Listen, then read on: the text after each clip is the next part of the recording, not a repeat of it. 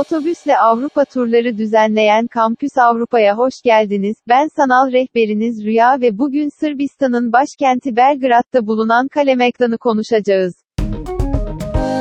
Sava ve Tuna Nehri'nin birleştiği noktada bir tepe üzerinde yüzyıllardır duran Kalemegdan, Sırbistan'ın başkenti Belgrad'ın merkez parkı ve aynı zamanda ilk yerleşim yeridir.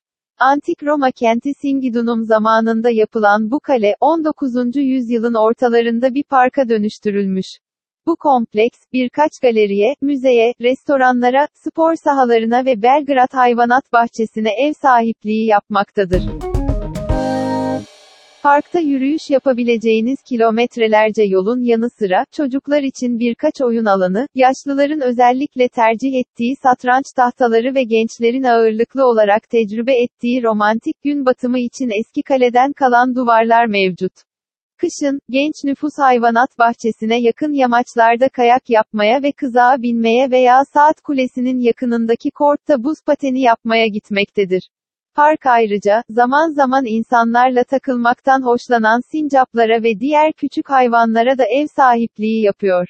Yürümeyi sevmiyorsanız, parkın içinden geçen mini treni de kullanabilirsiniz. Ayrıca Nez Mihailova Caddesi ile bağlanan gezinti yolunda çok sayıda hediyelik eşya ve el sanatları dükkanı mevcut.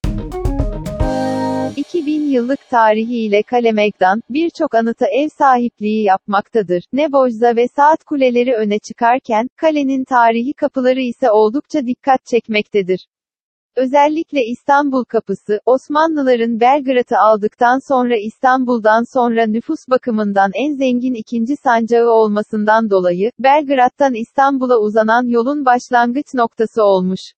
Buna ilaven, önemli Osmanlı paşalarından biri olan Damat Ali Paşa Türbesi de Kalemegdan'da yer almaktadır. Eğer siz de bu tarihi noktayı ziyaret etmek, Belgrad ve birbirinden güzel diğer Avrupa şehirlerini doyasıya gezmek isterseniz Kampüs Avrupa'yı tercih edebilirsiniz. Detaylı bilgi almak ve tur programlarını incelemek için lütfen kampusavrupa.com adresini ziyaret etmeyi unutmayın.